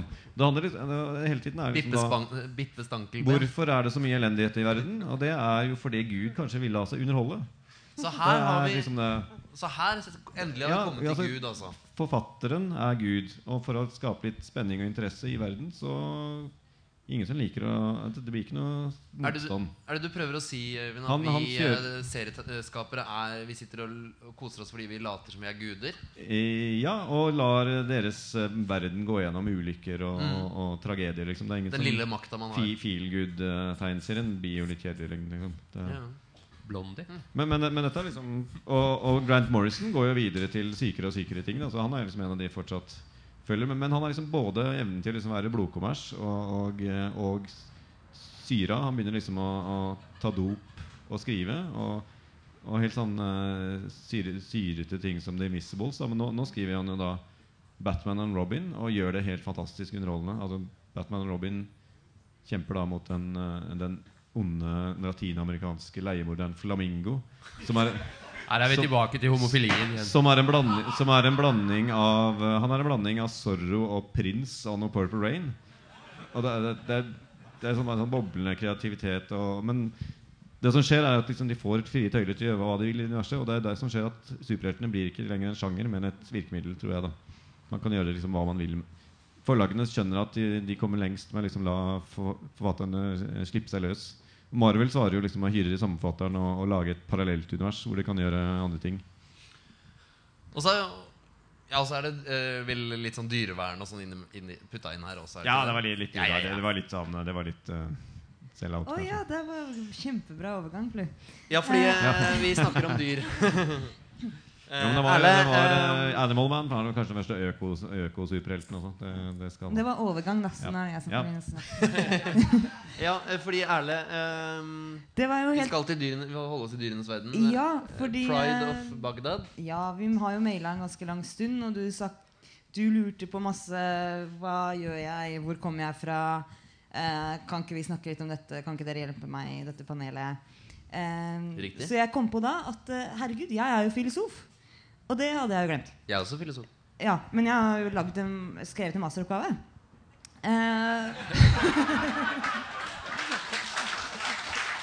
Men hadde du filosofi valgfag på ungdomsskolen? Nei, jeg nei, videregående. Har du skrevet oppgave på videregående, kanskje? Ja. Ja. Og så, eh, så tenkte jeg på det at eh, når den der serien her Den ble oversatt til norsk, og jeg tror det var Iselin som gjorde det. Eh, og Pinlig, da. Og det tenkte jeg, det har vel alle tenkt på. Og løvenes Det er jo egentlig det samme med 'Løvenes konge'. Eh, og jeg, jeg ristet på hodet, liksom. Og, eh, det er flaut. Fordi da dro jeg bare den boka her ut av eh, bokhylla. Hva er det du har der? Eh, er? dette er eh, Ludvig Wittgensteins filosofiske undersøkelser. Og der tysk? Nei. Nei, norsk, da. Har du satt på alle de merkelappene fordi du visste at du skulle hit? Ja, altså, det var Det var det jeg lurte på, da. Fordi det her husker jeg ikke i det hele tatt. Og det var masse notater her. Uh, her står det 'oppgaven'. Og her står det 'Cavill'. Uh, side Paragraf 25 i Cavill. Jeg aner ikke, men det ser Flere ut som som har vært på syre her. Ja, det ser ut som min skrift. Og uh, Barber. Diamond and Barber. Ingen aning. Men det hele boka handler om, og som kommer her på konklusjonen på side andre del eh, niende eh, pasje nederst på siden. Det er bare én setning. Det bør ikke nerde så veldig mye rundt det her. Men, og det syns jeg er veldig rart at de lager, lagde 'Løvenes konge' og i det hele tatt. Altså Wittgenstein døde jo på 60-50-tallet. Sånn. Gammel kunnskap, det her. Selv hvis en løve kunne tale, ville vi ikke forstå den. Og her lager, går de og lager en hel tegnefilm, en helt, hel tegneserie hvor de eh, snakker, og vi forstår det, og de er veldig reflekterte. Mens hele poenget er at man ikke Ja, altså, det sa jo Wittgenstein eh, Det har jeg studert. Ja. så eh, Dette, dette er jo denne, denne historien om Petter Smart som prøver å finne ut hva fuglene snakker om. Ja. ja. Hvor de er, kanskje er han, hvorfor synger fuglene? Kanskje er han glad, kanskje han er litt, romant, litt rar, eller og så videre. Og så lager de en maskin. Vi har sett i Donald mange ganger hvor Petter Smart eh, lager sånne maskiner som kan oversette. Veldig fascinerende altså at Petter Smart er en fugl. Det er han. Ja, Der også kan vi ta en egen spesialsamtale om uh, alle dyrene. Jeg tror vi må gå over på sånn animalisme neste, for det er jo Ja. en uh, veldig sterk uh, Jeg vet ikke hva det er med tegneserieskaper og den der lysten på dyr. Det er kanskje litt sånn skummelt. Det er jo noe å gjemme seg bak, da. Eh, det blir jo på en måte et lag til over, eh, over teksten. Når det er dyr som sier det, ikke mennesker, kanskje. Det er sikkert derfor Rocky er en bikkje, så han skal slippe å være seg selv. Eh, Ja, det er også poeng. Men hva, hva, hva fikk du noe særlig ut av, av, av serien? Nei, altså fordi de boblene burde jo bare vært noe helt annet. Altså det burde vært um, Her er det liksom en sånn eh, dannet konversasjon da, mellom fire løver. Men altså, Wittgenstein har allerede sagt at det går ikke an. Altså, kan de snakke, så er det ting vi ikke vil forstått. Så her burde jo boblene bare vært helt andre ting. Da. Ja, Så At du ikke skjønner, altså, og du skjønner ikke engang hva de snakker om. Eh, Det er vel poenget. At man, de har helt andre ja, fordi ting. De, eh, Ja, de har litt har andre referanser enn oss. Liksom. Ja. har, ja. For språk er, en, eh, er avhengig av sin sosiale mest- sammenheng. Så det, løvene burde ha kunnet ha sagt, snakket om helt andre ting annerledes. Det mest interessante serien jeg har sett i den sammenheng, er jo kanadisk serieskaperen Chester Brown, som gjorde en serie som heter Underwater, som aldri ble fullført. Og, og den, den begynner liksom med Alle snakker bare helt sånn kauderølsk. Og det, det kommer et nummer, alle, det er bare bokstaver i, i ruter, Mm. og du skjønner ingenting. Mm. Så går det tre, to, tre, fire nummer, så etter hvert liksom altså det, er en det er en baby som blir født. Da. Det, er- det er forsøk på å beskrive verden fra babyens synspunkt. Aha. Og etter, først i fjerde nummer så kommer det liksom noen ord inn i disse boblene som man skjønner. Mm. Det Så det var en veldig langsom prosess, og den, Ja. den var litt for langsom. For den, den kom aldri lenger enn de numrene der. Så, men det er kanskje det mest ekstreme eksempelet på, på, på liksom Jeg er sikker på å- at du kjøpte denne på et språk som Ja da, ja da. Den, eh, og det gikk jo da tre måneder mellom hvert Eller tre-fire måneder mellom hvert nummer også, da, så det var en ganske langsom prosess. Du datt litt ut av språket. Jeg tror det kom uh, nesten ti numre altså, av Underwater. Det var også en veldig bra Eller en god debut, eh, amerikansk debut i fjor, 'The Sanctuary', hvor han har tegnet Den har jeg ikke, men jeg kom på den. At, uh, hvor han har laget uh, hele tegneserien på- på Det er blant juleborda, og det er bare ugga bugga-språk. Men det er visstnok en uh, Har du lest den? Nei. Nei. Eh, men, men det funket ganske bra, og man kunne Men veldig sånn, lurt gjort. Altså, man kunne liksom deschiffrere seg til Uggabugg betydde liksom sulten. Ja, er Men sånn, sammenhengen var ganske umulig. Men Og Chris Ware er jo inne på det samme i nyeste nummer av Acme Novelty Library, Lint. Ja. Det er jo som da beskrevet et livsløp fra med et år per side. Og de, de første nummer, sidene der er jo, er jo litt inspirert av Chester Brown sine forsøk. da Hvor det liksom er en liten baby, liten unge som prøver liksom å, Ja. å venne seg til vo- voksnes språkverden. Men jeg tenker også Men på han, han gjorde det liksom på tre sider, da mens Chester Brown skulle gjøre det på 80-90. Ja, Da går vi heller og kjøper den der nye hore... Ja, da kan vi heller kjøpe han som hore når han kjøper horekunde. Eller det var vel heller Chester Brown gikk vel ut og kjøpte seg noen horer istedenfor å holde på med denne babyserien sin. Var vel den, den stygge sannheten. Ja. Og det er altså den nye til Chester Brown som heter uh, 'Paying for It', som handler om it, ja. Som er sånn selvbiografisk om, om hvordan Mitt det er å hore. Min- handle horer. Min uh, horekundekamp. Ja. Eh, men jeg tenker jo på Med dette med sånn uh, Det, det er jo derfor jeg ikke er noe eng- eng- engasjert i Knausgård. Og det, jeg leste Chester Brown i 20 år. Liksom. Ikke sant? Ja. Nei, jeg skjønner ikke det med Knausgård heller. Det er- Men eh, Spent, så har du på en måte men uh, Stå, det noen sånne lest Alle min kam forteller Knausgård om sine onaniteknikker, f.eks.? Nei, han Ja, han gjør det. Doing the Jeg kom aldri så langt. Ja da. Hvilket bind er det? eller bare utløsninger? Han, nei, han forteller at han ikke onanerte før han ble 20 år. Ja, men Det er løgn. Hvordan gjorde han det. Ja, ja, jeg kommer til det. jeg kommer til det, jeg kommer til det Han kjøpte Det er helt absurd. Han kjøper altså kunst, eh, sånn eh, barokkunst, og onanerer til det Han er en voksen mann, Ja, ja, ikke sant? Og, og Men- onanerer til disse mm, eh, Men Chester Brown lærer bort teknikker. 'Doing the Chester' er jo et begrep i, i amerikansk Ja, du har, du, har, du har demonstrert det, holdt jeg på å si, på eh, På seriemord før, du. Har vi snakket om det før? Ja, du, du beskrev Det kommer alt. Det kommer alltid opp. til Du beskrev i detalj uh, 'Doing the Chester'. Jeg er nødt til å si her altså, Jeg er en eh, 55 år gammel forlagsdirektør. Jeg ble invitert hit under foregivende at vi skulle snakke om filosofi. Ja, dette har de ikke på Lillehammer. Men jeg må eh, legge til at i, i krysningspunktet mellom sex og, og filosofi, så der er Dave Cooper. Og det, det er det bare å sjekke ut eh, siden han er, er gjest her. Um, nå har jeg lyst til å gjøre en ting. The Chester?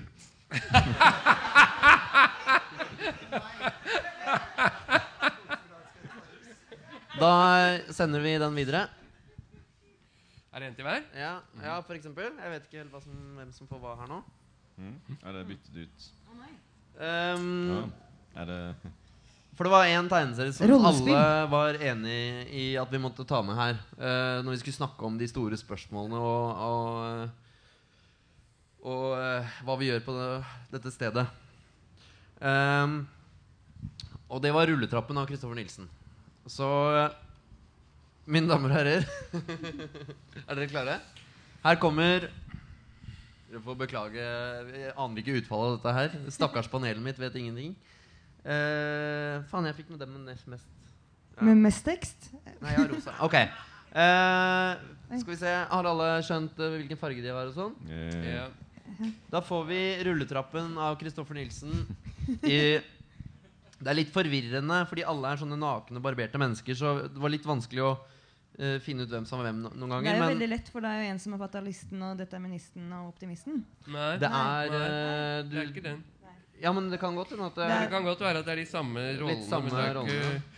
Men vi prøver. Vi eh, går jo og da, eh, hvem er det som har første Er det de blir Oi, det er meg! Ja. Det er deg. Ja. Da ser vi om vi får til dette her. Aha, Wow. Dette blir gøy. Eh, folkens? Ok. Hei, ø, kan, kan eh, fortell meg den der progresjonsteorien din en gang til, da. Slutt å mase. Ja, men vær så snill! Det er såre enkelt, jeg har sagt det 100 ganger før. Men bare en gang til, da. Please. Ok, la oss eh, stå denne rulletapp... La, står det? La oss si at denne rulletappen går nedover med en hastighet som tilsvarer ett tredels trinn per to sekunder ved passering av et fast punkt. Da trenger vi Trenger vi Trenger vi å gå oppover med en gjennomsnittsprogresjon på litt over ett skritt per trinn, eller mer enn ett skritt for hvert andre sekund. Da vil vi til enhver tid gå fortere oppover enn rulletrappa drar oss nedover. Um, og at den går nedover med et tredjedels sekund per to sekund, det vet du. 1001, Jeg vet det. 1002 Men sett da at vi ikke klarer over ett skritt per trinn, men bare en tre et tredjedels skritt per trinn. Da befinner vi oss konstant på samme sted, da. På et evig status quo. Ja, det er bare det vi må klare. ikke sant? Holde konstant tempo som er høyt nok, slik at vi holder en gjennomsnittlig progresjon på over ett skritt per trinn. Nå begynner det å vingle igjen. Utfordringen er å klare det. da, vet du. Skjønn det, ja. All denne pratinga sinker oss. Ja, men Nei, det er en som Her mangler vi. ah, jeg skal begynne. Jeg kan ikke si noe for det. Det sier seg selv. Det ville forbause meg om vi holdt et konstant tempo hele tiden. Unnskyld. Det var så mye å passe på her nå. Der er vi. Bra dere passer på. Vi får slutte å tvile så mye og stå på, da. Så kanskje vi kommer to, fram til, tre, fire så kanskje vi kommer fram til slutt. fire. Eh, Løype! nå er vi lei av å høre på gnålet ditt. Var det meg? Ja, det var det. Vi er laget som har vaska seg. Vi når toppen i en fei. Unna vei. Hei. Høtt, to, tre, fire. Høtt, to, tre, fire. Mamma, vent, jeg er så veldig sliten. Gå på, barnet mitt. Vi er laget med høyest progresjon, for vi har en destinasjon. Opp, opp, opp. Jeg orker ikke gå så fort. Kom igjen! De venter ikke på oss, vet du. Jeg vil ikke mer. Nei, ikke stopp. Herregud. Kom igjen da, jenta mi. Løp etter mora di, ja, dummen. Hvorfor satser ikke vi også på å holde et like høyt tempo som den der, da? Fordi det er for høyt. De klarer å holde den progresjonen en periode, så blir det for mye for dem. Jeg kommer. Progresjonen flater ut, sakker en bakut. Det beste er å gjøre som oss, holde et jevnt og trutt, realistisk tempo. Kontinuitet er nøkkelordet her. Kontinuitet. Jeg vedder på at det ikke er lenge til vi tar igjen det laget der. Hvis de da ikke kommer når ja, Hvis de da ikke når toppen snart, da? Nå er det noen som faller. Skal vi gjøre det? Nei. Det er meg igjen. Eh, det er liksom ingen ende på denne rulletrappen. Bås. Klart det er det. Den må jo ta slutt. Vel, jeg syns jeg har gått her Ja, det virker nesten som en helt li En liten evighet. Nei, meg igjen. Hvorfor er det så logisk å gå oppover når rulletreppen går nedover, egentlig? Åh, Hvorfor snakker de så mye når de går? Ja, men vi vet jo ikke hva som venter oss der oppe. Hvorfor alt dette sy- sytet når vi kunne sette oss ned og rolig vente på å komme til bunns? Logisk. Hvor er logikken i å la seg dra ned i avgrunnen, da? Vi vet jo ikke hvordan det er der nede. Vet vi det, da? Nei, men hør her. Dette er helt klart en prøvelse. ikke sant? En, en utfordring. Vi må gjøre oss fortjent til det som venter oss på toppen. Hør, hør. Det er det ingen som har fått den, tror Eh, jeg. Det er deg, eh, Er det meg? jeg tror jeg. Eller? Eh, jo, det er det. Stemmer. Men det er, ikke, Ja. det er ikke noe grønt her. Ok. Det høres logisk ut for meg i hvert fall. Hvorfor ellers er vi her? Der nede, der der taperne havner. Sveklingene. De late, de udugelige. De som ikke fikser en ettskrittsprogresjon for hvert trinn per to sekunder. Vil du med ned og menge deg med dem, så vel bekomme. Ah, men kanskje de har det helt topp der nede. Hvem vet? Du, jeg vet Har du noen gang hørt om tapere som har det topp? Dem der nede lever i den ytterste nød, en elendighet du aldri har sett make til. Det kan jeg love deg. Yep.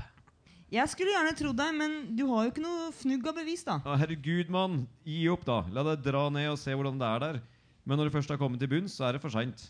Dessuten er vi drittlei all maset ditt. Ja, Hvorfor ikke, egentlig?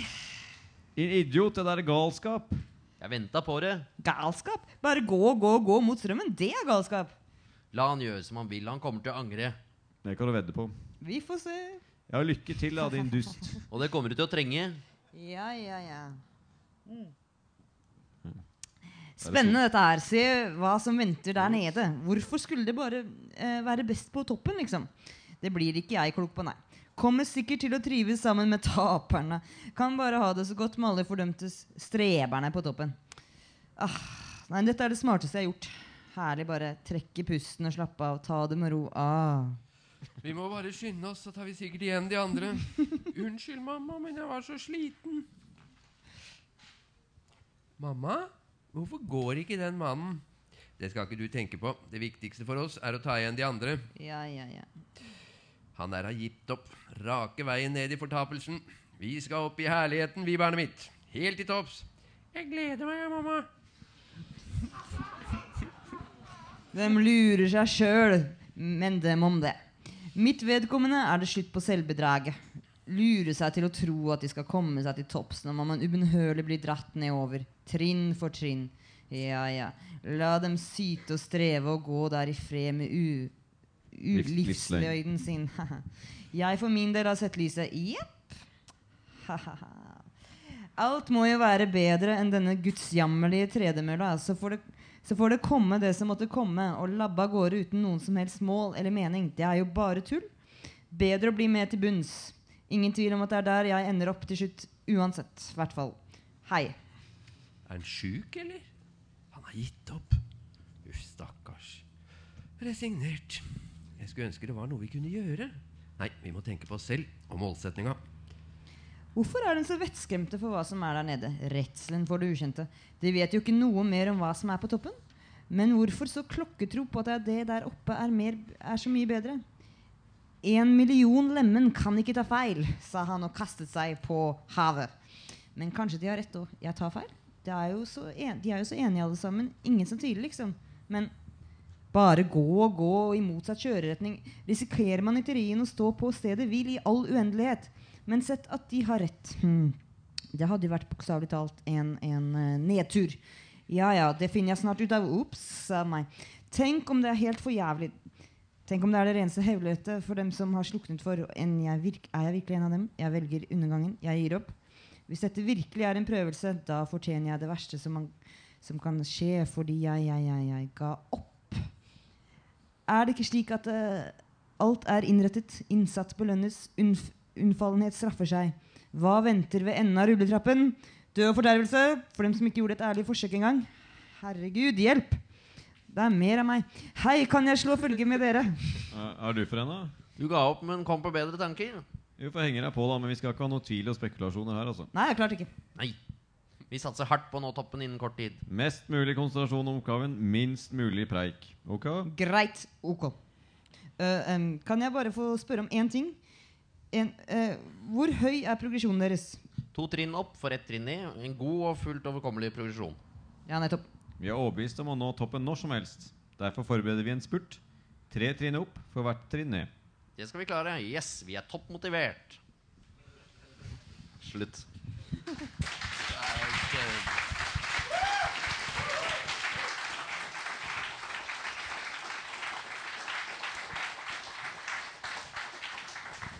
Ja. Eh, veldig bra av panelet som eh, Det syns jeg var sporty. fikk dette. Ja, veldig sporty, som ikke visste om dette. Eh, men eh, det hjelper jo med et manus av Norges tegneseriekonge, den fantastiske Kristoffer Nilsen, som har lagd den serien her. Og øl. Og øl. Eh, vi trenger kanskje ikke å snakke så mye mer om den. Den er bare den Trenger ikke noe. Vi får vente på den eh, Jeg venter på liksom den tekstkritiske Kristoffer Nilsens jubileumsutgaven i ti, ti bind, nei 100 bind, eller hva var det som Ibsen, Ibsen-jubileet? Ja, har laget nå? eh, av Morten I 100 millioner. Den tekstkritiske. Da, da, da skal vi til bunns i, Ja. i dette Vi kan vel si her også at det ligger flere doktorgrader og venter her. Altså. Men, ja, og det er mange tolkninger her, altså. Mange forskjellige tolkninger. Men la oss vi, Og vi er litt sånn Vi, vi må skynde oss litt for å komme i mål. Jeg trodde dette var Sto- var ikke det, var Vi ikke det går en, progresjon, Altså, er vi ikke på overtid allerede? allerede? Sa de ikke det i serien? Vi må skynde Nei, Alt litt er av evigheten. Litt av evigheten. Eh, kan du bare vi, vi skal bare Vi må nesten s- bare hoppe litt eh, Bare hoppe over det der. hoppe over det her. Men kan du ikke bare si hva det er, sånn hvis noen blir nysgjerrig? Nei da. Nei.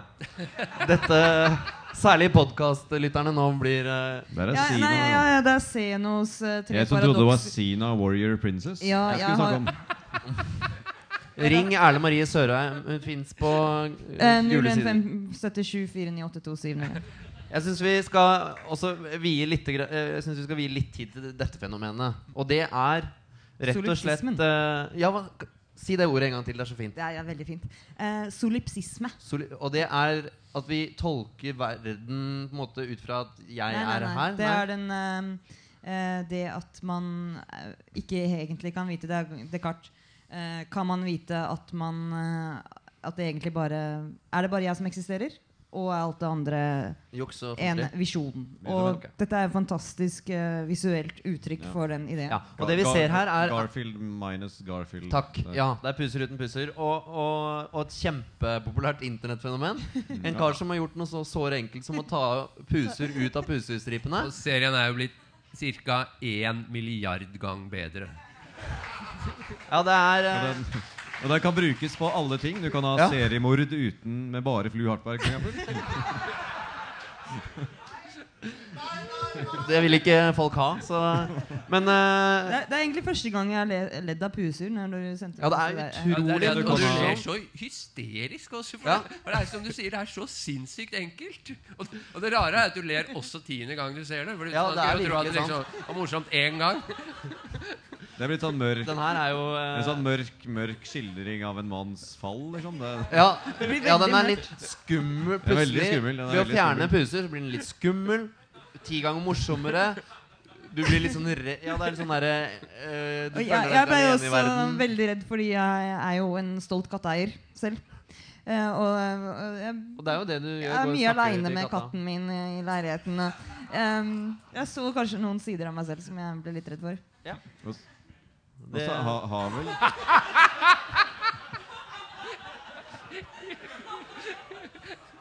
Men det er vel også laget Det er vel også laget Nemi uten Nemi? er det ikke det? Har du, har du det? Ja, der, ja. Ja, det er også. Det er uh, også noen som har lagd. Jeg tror det er noen svensker. faktisk. Pondus er, uten pondus. Er Det har jeg ikke, ikke sett, den, eh, eh, den er en idé up Her er det et stort potensial. Stort potensial.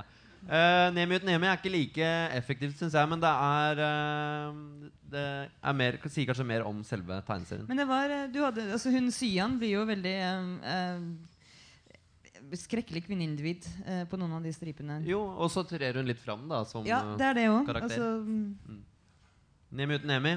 Hei. Fagprat uten noen. Vi prøver. Her er Donald uten Donald. Det er også ganske fiffig. Eller det er Donald, Donald uten, uh, uten en dritt, egentlig.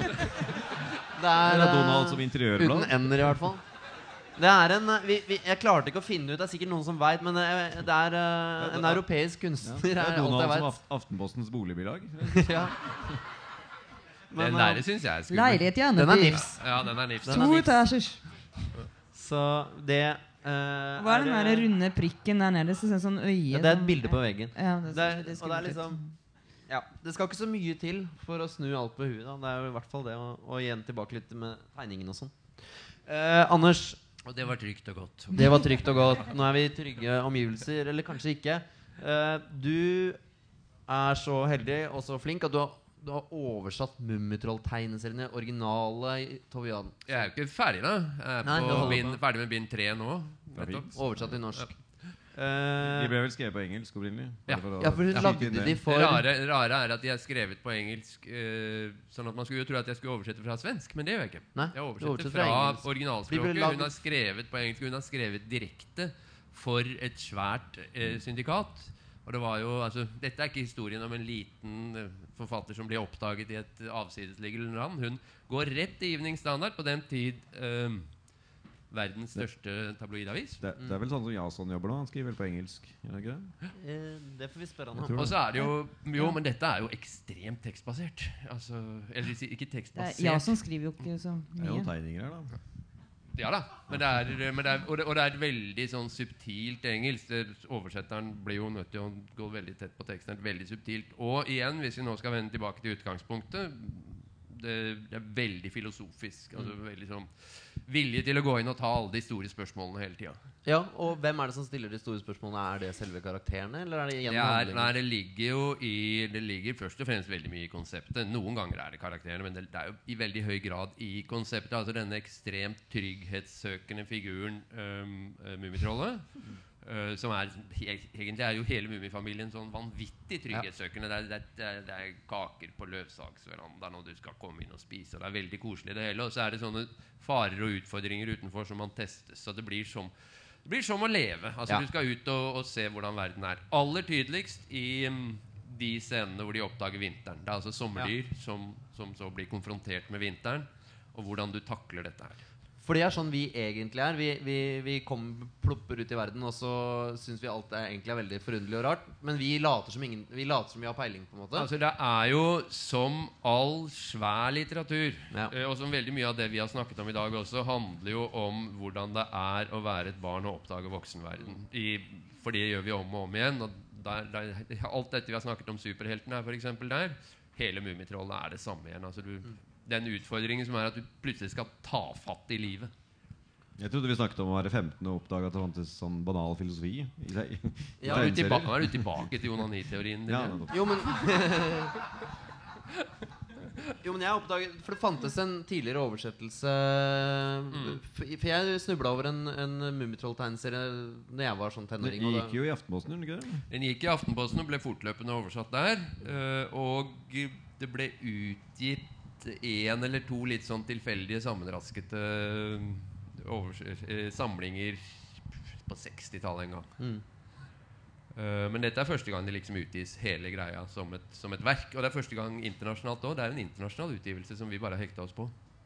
Og du, i arbeidet med å oversette dette her, hva er liksom du sitter igjen med som gjør sterkt Det er- altså, hva, hva, hva er det du Det er i hvilken grad Det her er masse jeg kan snakke om dette til Ja, ja. sist. Det skal jeg spare dere for. Men, men det som liksom er veldig, veldig slående Der ser du f.eks. et jævlig fint. Det er, en, eh, det, er, det er ikke meg som har plukket disse bildene. Men du ser er et veldig fint altså. eksempel på Tove Janssons, Tove Janssonsk oppfinnelse, nemlig at hun, bruker, hun gjør billeddelingen til et kunstverk. Ja. Eh, til en del av kunstverket. Se hvordan hoven til Hemulen er billedskilleren. Ja. Og det driver hun noen ganger. Du ser hvordan hun liksom Hun går i faser, og noen ganger driver hun det helt ekstremt opp. Altså, Og så halen nederst. Ja. Ja. Altså, ja, og bare det er jo veldig filosofisk. Og det å liksom å, å bruke de mellomrommene. For det er jo Masse, tid, masse metakommentarer, men hun er altså vanvittig ambisiøs. Og hun rendyrker Det er kanskje det jeg ser aller tydeligst. Hun rendyrker det fenomenet som all stripekunst egentlig skal ha. Men at det er kunst på fire nivåer. Jeg skal forsøke å gjøre dette kort. altså Nei, det, skal funke på. det skal funke på uh, at hvert eneste bilde skal være et selvstendig kunstverk. Så skal hver stripe kunne leses som en litt sånn småmorsom altså Det skal være et lite, et lite poeng. Skal lese som en, som en selvstendig stripe. Så skal det jo gå inn i en fortløpende fortelling, og så skal alt sammen til syvende og sist hjelpe til å bygge opp dette universet som hun har laget i mye større grad enn andre serieskapere. Så har hun laget hele universet. Altså alle dyrene er unike. Hele geografien er unik. Til og med går hun ut og skaper en kosmologi, for hun er så sykt opptatt av kometer. Så det er en masse og dette, det er, Jeg har sagt det et eller annet Kometen sted. kommer. Og. Det er som å skrive en haiku, en novelle, en roman og et epos på én gang! Hver eneste dag. I, jeg tror hun holder på i nesten ti år før hun overlater det til broren sin. Ja, Hun kunne jo sagt det samme om pu puser. Jeg, mener, jeg mener Jeg mener Jeg mener, jeg mener knøttene. Jo, men og, og, og alt det burde jo være nok, men i tillegg så er det jo veldig morsomt og ganske dark eh, til tider. Eh, her er det, mu- er det Unnskyld, er det Mummitrollet, eller? Som Dette er Mummitrollet. Prøver å ta selvmord? Ja, ja. Begå selvmord? Som det, Det er, eh, det er jo ikke noe Det er ikke noe Med øh, øh, Det er ikke noe barnslig over dette her, egentlig. Nei, det er for altså, det, som, det du kan si er at Streken er barnslig, men, Ja. men, men den er jo det er, veldig store emner og ganske kompliserte emner hun tar opp. Dette er ikke noe for barn å, å lese. Og, Og hva med de der eh, konservative jødene som går de derre Det er jo også Det er sånn mye fantastisk Hun eh, elsker jo Nei, men altså, hun elsker jo å, å, å skildre det småborgerlige. Og du har de to varianter. Du har Filip Jonka, som altså er sånn renslighetsfantast og sånn husmor, karikert husmor. Og så har du Hemulene, som er en hel det er et helt folkeslag Ja. som er ved siden av Mummitrollene, og som er kontrollfreaks. Eh, ikke akkurat reaksjonære, for de er alltid veldig vennlige mennesker. Men de vil altså liksom passe på å ha orden, og, og de er alltid politifolk eller parkvakter ja, eller om, veldig ikke-antirøykere. Men hvem har hatt i fnattene? Det det That's the dark force. Altså. Nå, nå, nå blir det farlig her. Men bare aviser, Hufsa som er verre. avisstripene er jo også barn av liksom den amerikanske immigrantopplevelsen. Det, var jo, det er jo voksenserier, men skrevet da for en generasjon immigranter hvor, hvor, hvor engelskkunnskapene ikke er så stø. Så og, og Knoll og Tott, tyske innvandrere. Finnbekk og Fia, irsk. I og for seg knøttene også. Knøtt, knøttene, ja. Så, Ja. så vi kommer tilbake. Eh, Mummitroll- Mummitroll-utgivelsen er jo gjort For å gjøre det ekstra internasjonalt, så er det gjort mulig via kanadiske eh, støttepenger, som, som Kim Thomsen fortalte om i går. Det er jo okay. forlaget Drone and Quarterly, som er kanadisk, og får jo da penger til å gi ut serier. Veldig mye mer støtte enn USA. de, de Fantagraphics. gir jo da ut Chester Ja, Browns okay. onaniserier. Sånn det henger sammen. Der, der men men Der fikk du snakke litt om runking igjen. Nei, Eivind. altså, Eh, men, Nå var vi på Mummitrollet. Jeg trodde et øyeblikk at det var safe time. jo da. Aldri. Aldri. Men er det noe med altså, tegningen også som Eller designet, karakterdesign, som vi kaller det i tegneserieverden på, på figurene også. Er det noe med at det er så enkelt at det er lett å bare hoppe inn der? Her er det jo noe veldig morsomt i forhold til um, utgangspunktet for samtalen. Mummitrollet ble tegnet Altså Mummitrollet ble skapt Da var hun 13 år gammel.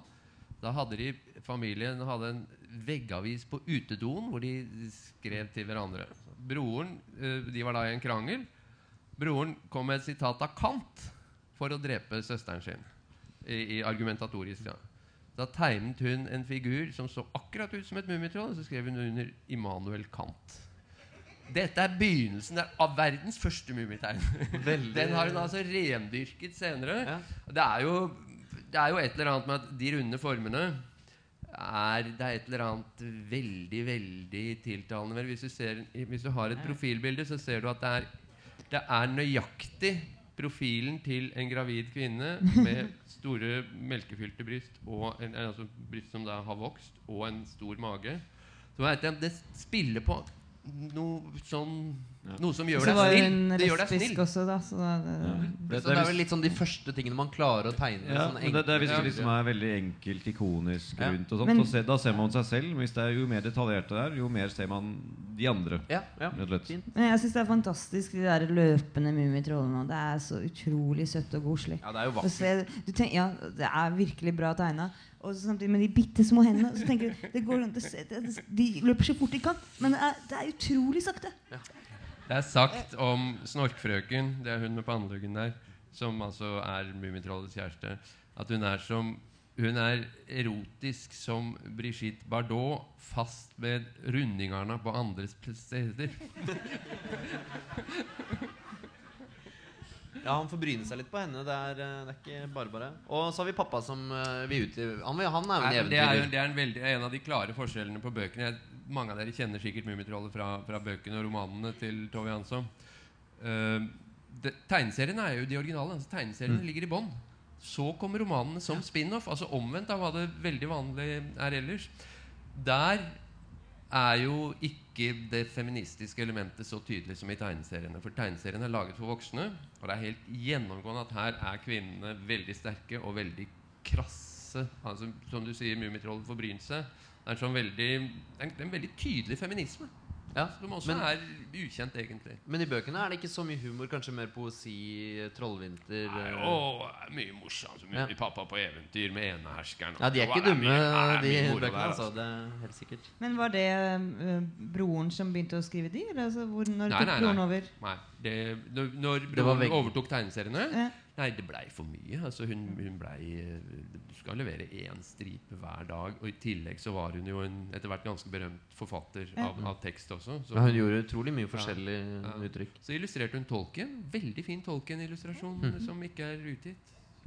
Her er det mye å ta tak i, øh, altså. Klapp for Tove Jansson. Klapp for Tove altså.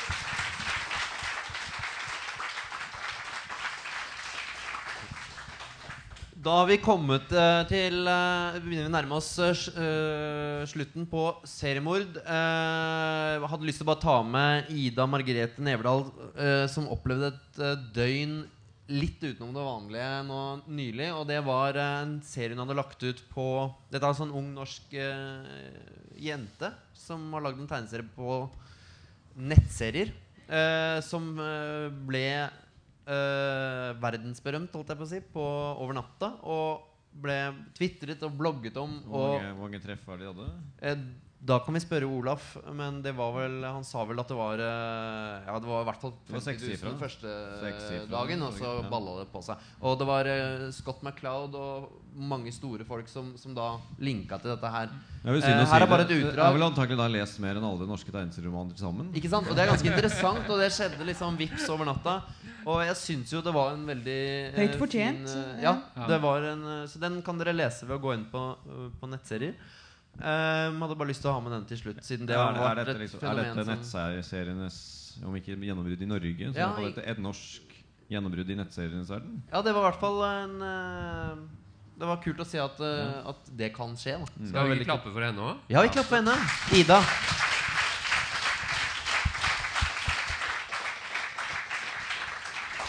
Jeg veit ikke hvem hun er, eller om hun er på festivalen, men uh, vi, får, vi, vi får gi henne en uh, klem hvis vi møter henne. Uh, 17 år. Jeg skal la være. Da skal jeg huske å si eh, Dust. Eh, så kommer kunngjøringene. Eh, tusen takk for at dere gadd å sitte og høre på. Det har vært utrolig hyggelig å ha dere gjestene. Det- med det- oss. Eh, Det var ikke en kunngjøring. Nei. Vi skal eh, etter Vi er ferdige her nå. Lahlum, Lahlum. Tale. Ok. Den er grei. Det, det beste er at dette har vi på video, så om ti minutter så er du like berømt Det på YouTube som Ida. Eh, bra, Øyvind. Send regning eh, til eh, festivalen. Nei, nå skal jeg skjerpe meg. Gå til baren, står det her på lappen. Eh, Og det er Kråkebaren vi har oppe i andre etasje. Gå og drikk det deilige ølet vårt der. Uh, I morgen er det lørdag, Uh, og da fortsetter festivalen. Og den begynner her klokka 11 med Sigbjørn, og, og Sigbjørn Lilleng og Inga Sætre. Uh, vær her da. Det blir kjempespennende. Og kjøp uh, trykkene våre uh, som henger til utstilling oppe i baren. De koster nesten ingenting og er helt fantastiske. Har jeg husket å snakke alt? Da vil jeg at dere skal klappe ekstra godt for det fantastiske panelet vårt. Og så ses vi på festivalen og på neste seriemord. Tusen takk for oss.